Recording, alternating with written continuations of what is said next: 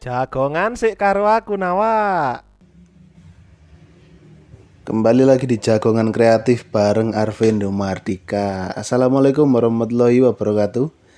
Teman-teman nawa-nawa semuanya, gimana kabarnya? Setelah tiga, wah ya nggak tiga bulan ya berapa ya sejak bulan Maret. Sejak bulan Maret itu berarti wis 9 bulan ya 9 bulan podcast ini kosong ya karena memang betul-betul luar biasa. Dari bulan Maret kegiatannya banyak sekali. Sampai pada puncaknya saya kena covid di bulan September kalau nggak salah. September apa Agustus ya? Agustus akhir lah. Kira-kira seperti itu. Nah sekarang ini saya sedang punya project ya, punya project yaitu kembali lagi ke dunia saya yang lama yaitu adalah aboutmalang.com atau media online begitu. Nah, singkat ceritanya gini. aboutmalang.com ini didirikan ya memang karena uh, saya dan teman-teman di Biru Daun itu kan memang basicnya kan sebenarnya adalah jurnalis ya. Basicnya jurnalis semua dulu sama-sama di Komet SMK 8 terus juga ada yang dari Polinema juga melanjutkan uh, apa namanya karirnya di bidang jurnalistik di sana di pers kampusnya sana. Terus juga yang lain dari macam-macam lah pokoknya. Intinya orang biru daun itu jurnalis semua gitu. Akhirnya kita ada tawaran nih. Istilah ada tawaran dari pikiran rakyat grup untuk membuat media begitu ya istilahnya. Oke, kita ikut penjelasan konsep bisnis, sepakat. Akhirnya saya dengan Cynthia, dengan Tita eh, resmi mendirikan Bot Malang itu di bulan September, tepatnya di tanggal 3 September ya. Jadi beberapa hari setelah saya pulang dari rumah sakit lapangan setelah Covid itu sedikit update ya sih update uh, tentang saya sekarang ngapain begitu.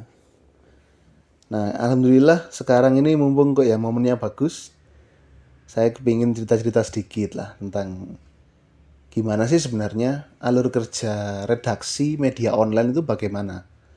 Apakah jurnalisnya tuh langsung nulis langsung diposting ya kan ke webnya itu atau harus diedit dulu harus bagaimana alurnya lah ini saya akan cerita tapi cuma saya sendiri hari ini tidak ada bintang tamunya ya e, intinya saya akan bercerita sebenarnya tentang apa sih sebenarnya atau bagaimana sih alur alur atau SOP begitu ya di sebuah media online. Nah ini tapi berdasarkan pengalaman kami di potmalang.com ya jadi botmalang.com ini strukturnya tuh sangat sederhana karena memang juga masih ngawali ya, masih uh, baru begitu. Yang paling atas pucuk pimpinannya adalah pemret, pemimpin redaksi, yaitu saya. Kemudian ada editor atau redaktur ya atau pengedit secara bahasa, secara substansi, biar SEO-able artikel itu bagaimana. Kemudian barulah para jurnalis atau konten kreator kalau kami menyebutnya ya. Nah, bagaimana sih sebenarnya alurnya uh, sebuah berita atau sebuah isu ya, sebuah isu ketika masuk di dapur redaksi kemudian menjadi berita.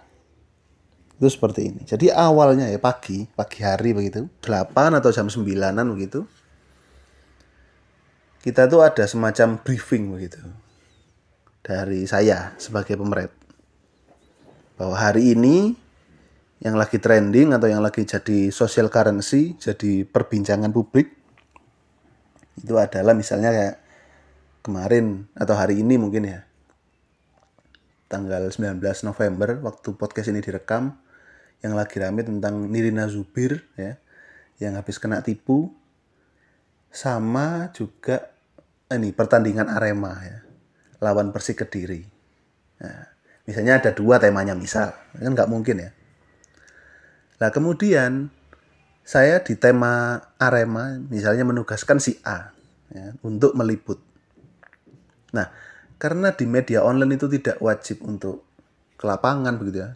Dan sebenarnya sebenarnya sekarang itu media apa pun nggak wajib begitu langsung ke lapangan, langsung kita ke stadion, apalagi kan sekarang pandemi begitu ya. Itu kita yang kita menerapkan eh, istilahnya itu riset jurnalisme, terlalu berat sepertinya ya. Sebenarnya bukan riset juga sebenarnya kan, karena kan juga mengamati juga tetap mengamati observasi dari lingkungan sekitar. Nah, yang pertama kita kunjungi misalnya di berita Arema lawan Persik ya.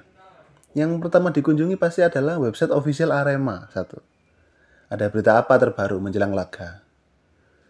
Kemudian adalah website tentang uh, Liga Indonesia, jadi di ligaindonesiabaru.com. Apakah ada press release? Apa ada regulasi baru sekaligus dengan jamnya? Kemudian kita buka di kalau kita sebut mungkin video.com ya itu kita cari link live streaming gitu.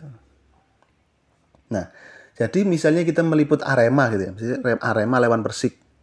Itu tidak bikin satu berita saja gitu, enggak. Tapi dalam satu tema atau satu topik itu bisa dijadikan berbagai macam berita oleh yang nulis, oleh konten kreator atau jurnalisnya. Gitu. Nah, setelah dia nulis tidak lantas misalnya tentang link live streaming Arema versus Persik begitu ya. Ya tidak serta-merta langsung diposting oleh dia tidak dong.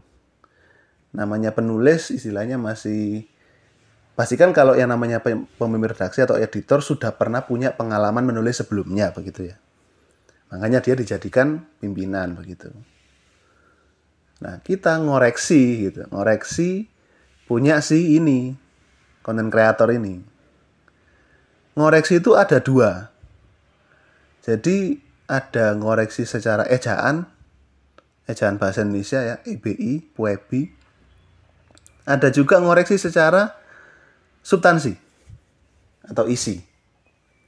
Nah, yang pertama ngedit secara bahasa ya atau PUEBI itu tadi ya. Bagaimana? Ya jelas, contohnya misalnya kayak di samping harusnya kan dispasi ya kan tapi kalau dibukul mestinya kan digabung. Nah, itu sering itu para konten kreator membuat kesalahan-kesalahan yang remeh seperti itu. Nah, itu fungsinya apa? Biar media kita jelas ya mematuhi WebI ya, mematuhi ejaan bahasa Indonesia yang baik dan benar. Satu, dua, meningkatkan brandingnya. Kan kalau misalnya kita ngasal nulis kan beda ya. Kalau nulis caption di Instagram dengan nulis berita pasti kan berbeda. Jadi itu yang dilakukan pertama, yaitu adalah mengedit secara ejaan atau puebi. Nah yang kedua, nah ini substansi atau isi. Apa yang diedit? Satu, misal ada bias fakta, misal katakanlah. Harusnya Arema menang misalnya lawan Persik katakanlah. Tapi kok ternyata kebalik skornya. 2-0 atas kemenangan Persik Kediri. Padahal sebenarnya kan 2-0 kemenangan atas Persik Kediri kan beda itu sudah ya. Seperti itu itu. Jadi substansi seperti itu. Kemudian sama juga seperti eh, kasusnya kalau yang terdekat ini adalah eh, pernyataannya itu ya. Ducati ya yang di Mandalika. Itu kan sebenarnya Ducati nggak marah-marah sebenarnya ya kan? Tapi karena ada satu media asing yang berasumsi bahwa Ducati marah-marah ya kan? Kemudian diliput atau dikutip oleh media lokal kesannya Ducati marah-marah. Nah hal-hal seperti itu yang harus kita cek fakta. Harus dicek fakta oleh editor ya sebagai orang yang lebih berpengalaman. Ya jelas kita kan sebagai editor sekali lagi pasti dipilih menjadi editor karena sudah punya pengalaman sebelumnya menjadi seorang penulis, sudah kenyang pengalaman. Nah, selain ngecek bias-bias fakta seperti tadi, juga ngecek apakah artikel ini SEO-able ya. Jadi substansi itu ada macam-macam, termasuk yang di dalamnya adalah artikel ini laku nggak di internet, laku nggak di Google, istilahnya page one nggak atau halaman satu nggak di Google diklik nggak sama orang. Caranya bagaimana? Nah, salah satunya yang diajarkan kemarin dari istilahnya yang mengajari kami itu kan dari pikiran rakyat group begitu ya, yang mementori kami begitu.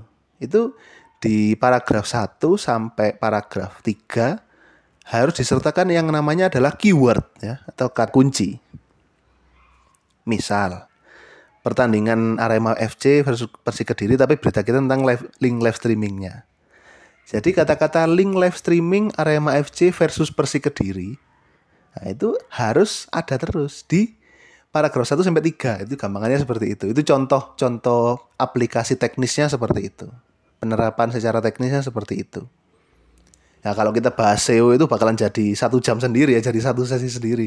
Karena SEO itu terus berkembang dari zaman ke zaman, apalagi sekarang Google sudah semakin manusia ya, semakin AI-nya semakin bagus.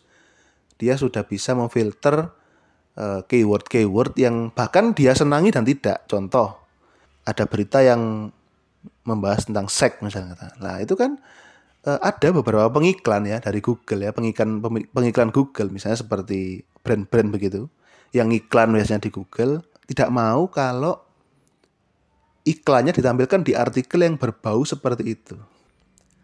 Jadi panjang sekali teman-teman. Berita itu bisa terbit setelah diedit seperti itu, kemudian dipublish ya, dipublish. Yang jelas adalah dengan sepengetahuan pemimpin redaksi pasti ya kan ya gitu nah jadi panjang sekali jadi kita tidak bisa. Kalau kemarin kita bicara sekarang kita yang rame di fandom lah ya rame di fandom JKT48 tapi sekarang sudah agak mereda lah. Karena agak mereda ini saya bikin semacam pembahasan tapi tidak menyudutkan ya. Pengen saya tidak menyudutkan. Oh ini jurnalisnya goblok. Tidak sebenarnya tidak tidak semudah itu gitu mengatakan sebenarnya. Karena berita itu tadi sudah melewati proses yang sangat panjang ya meskipun dalam waktu yang singkat ya kan? Karena kan kita memburu waktu ya kalau di media online. Kalau di koran masih bisa terbit besok. Waktunya masih panjang untuk ngoreksi. Tapi kalau di media online kan kita berburu waktu. Tapi tetap itu melewati banyak tangan. Melewati banyak koreksi. Terus apakah penggunaan kata skandal ya yang diperbincangkan di fandom kita tercinta ini ya kan? Apakah itu sebenarnya salah? Sebenarnya kalau dari perspektif saya ya, dari e, pendapat saya, penggunaan kata skandal itu tidak serta-merta ya. Tidak semua permasalahan itu dijadikan skandal gitu ya. Nah, apalagi ini melibatkan tokoh terkenal ya. Salah satu member begitu. Nah, ini sebenarnya pemilihan kata itu tadi tergantung dengan yang tadi SEO tadi, ya. Misalnya ditulis permasalahan gitu atau fitnah gitu dengan skandal pasti orang akan ya orang-orang kita ini ya suka sekali dengan berita-berita yang seperti itu ya sedangkan pendapatan kita ini ya media online ini salah satunya yang paling besar adalah dari iklan jadi karena masalah demand and supply aja kalau menurut saya ya. Akhirnya redaksi memutuskan ya, redaksi ya semuanya memutuskan untuk menggunakan kata itu yang dirunning, kata skandal itu. Padahal sebenarnya itu pun tidak terbukti.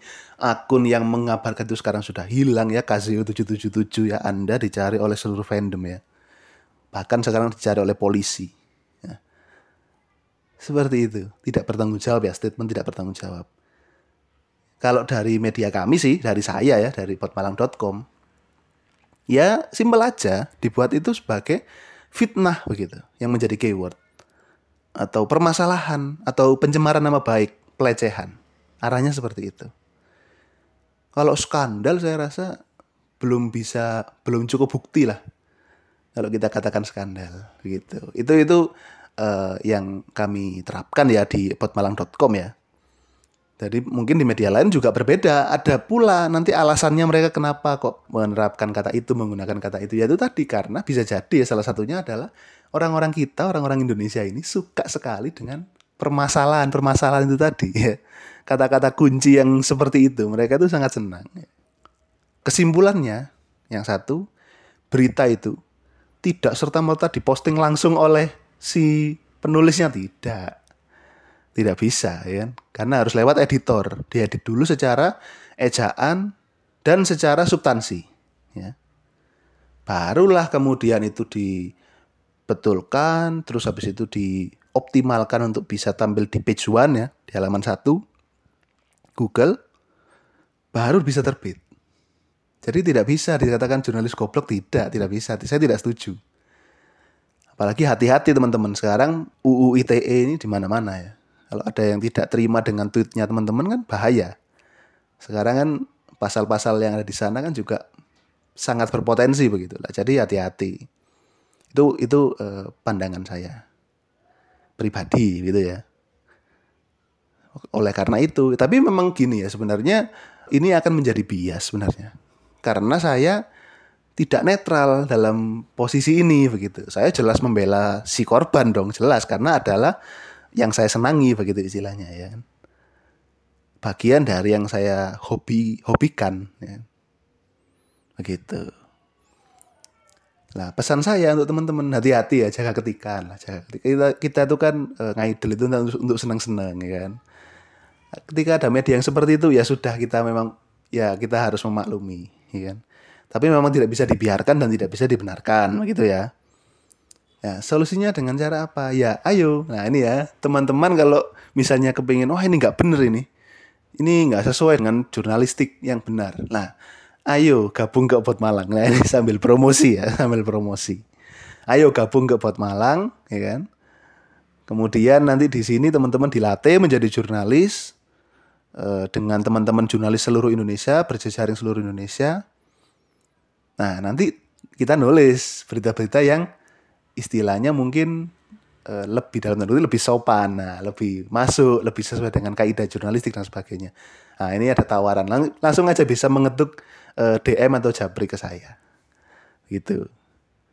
Nah, ngomong-ngomong soal uh, JKT48 ya, ngomong-ngomong soal ngidol, di episode selanjutnya ini setelah ini setelah pertama kali comeback setelah hiatus sekian lama saya akan membagikan pengalaman saya pertama kali setelah saya dalam tanda kutip punya duit istilahnya teateran ke Jakarta dari Malang ya nanti saya akan membagikan ya semacam apa ya trip report dan tips-tips untuk teman-teman yang dari daerah terutama dari Malang dan sekitarnya yang kepingin uh, istilahnya merasakan ya dinginnya teater JKT48 dan luar biasanya performan para member nah, nanti saya akan bercerita di podcast episode selanjutnya di Jagongan Kreatif bareng Arvin Mardika. Oke, untuk episode kali ini saya cukupkan dulu. Semoga menjadi ya kalau tidak menjadi ilmu tidaknya menjadi pengetahuan yang mungkin bisa membuka cakrawala kita bersama, bisa bermanfaat dan yang jelas semoga tumbuh ya. Semakin tumbuh teman-teman jurnalis-jurnalis atau konten kreator-konten kreator yang membuat istilahnya Indonesia ini dan fandom ini khususnya ya di JKT48 ya itu bisa menjadi lebih adem ya dan mengekspos prestasinya. Lah seperti kayak Siska beliau kan uh, kemarin dapat nominasi lagi untuk kedua kalinya dalam satu tahun yang sama ya nah itu kita bisa angkat kita profilkan bersama-sama uh, bagaimana kiprahnya dia bagaimana suaranya dia yang luar biasa keren ya Sampai jumpa di episode selanjutnya. Terima kasih sudah menyimak. Jangan lupa follow uh, Jagongan Kreatif Arvino Mardika agar tidak ketinggalan episode selanjutnya.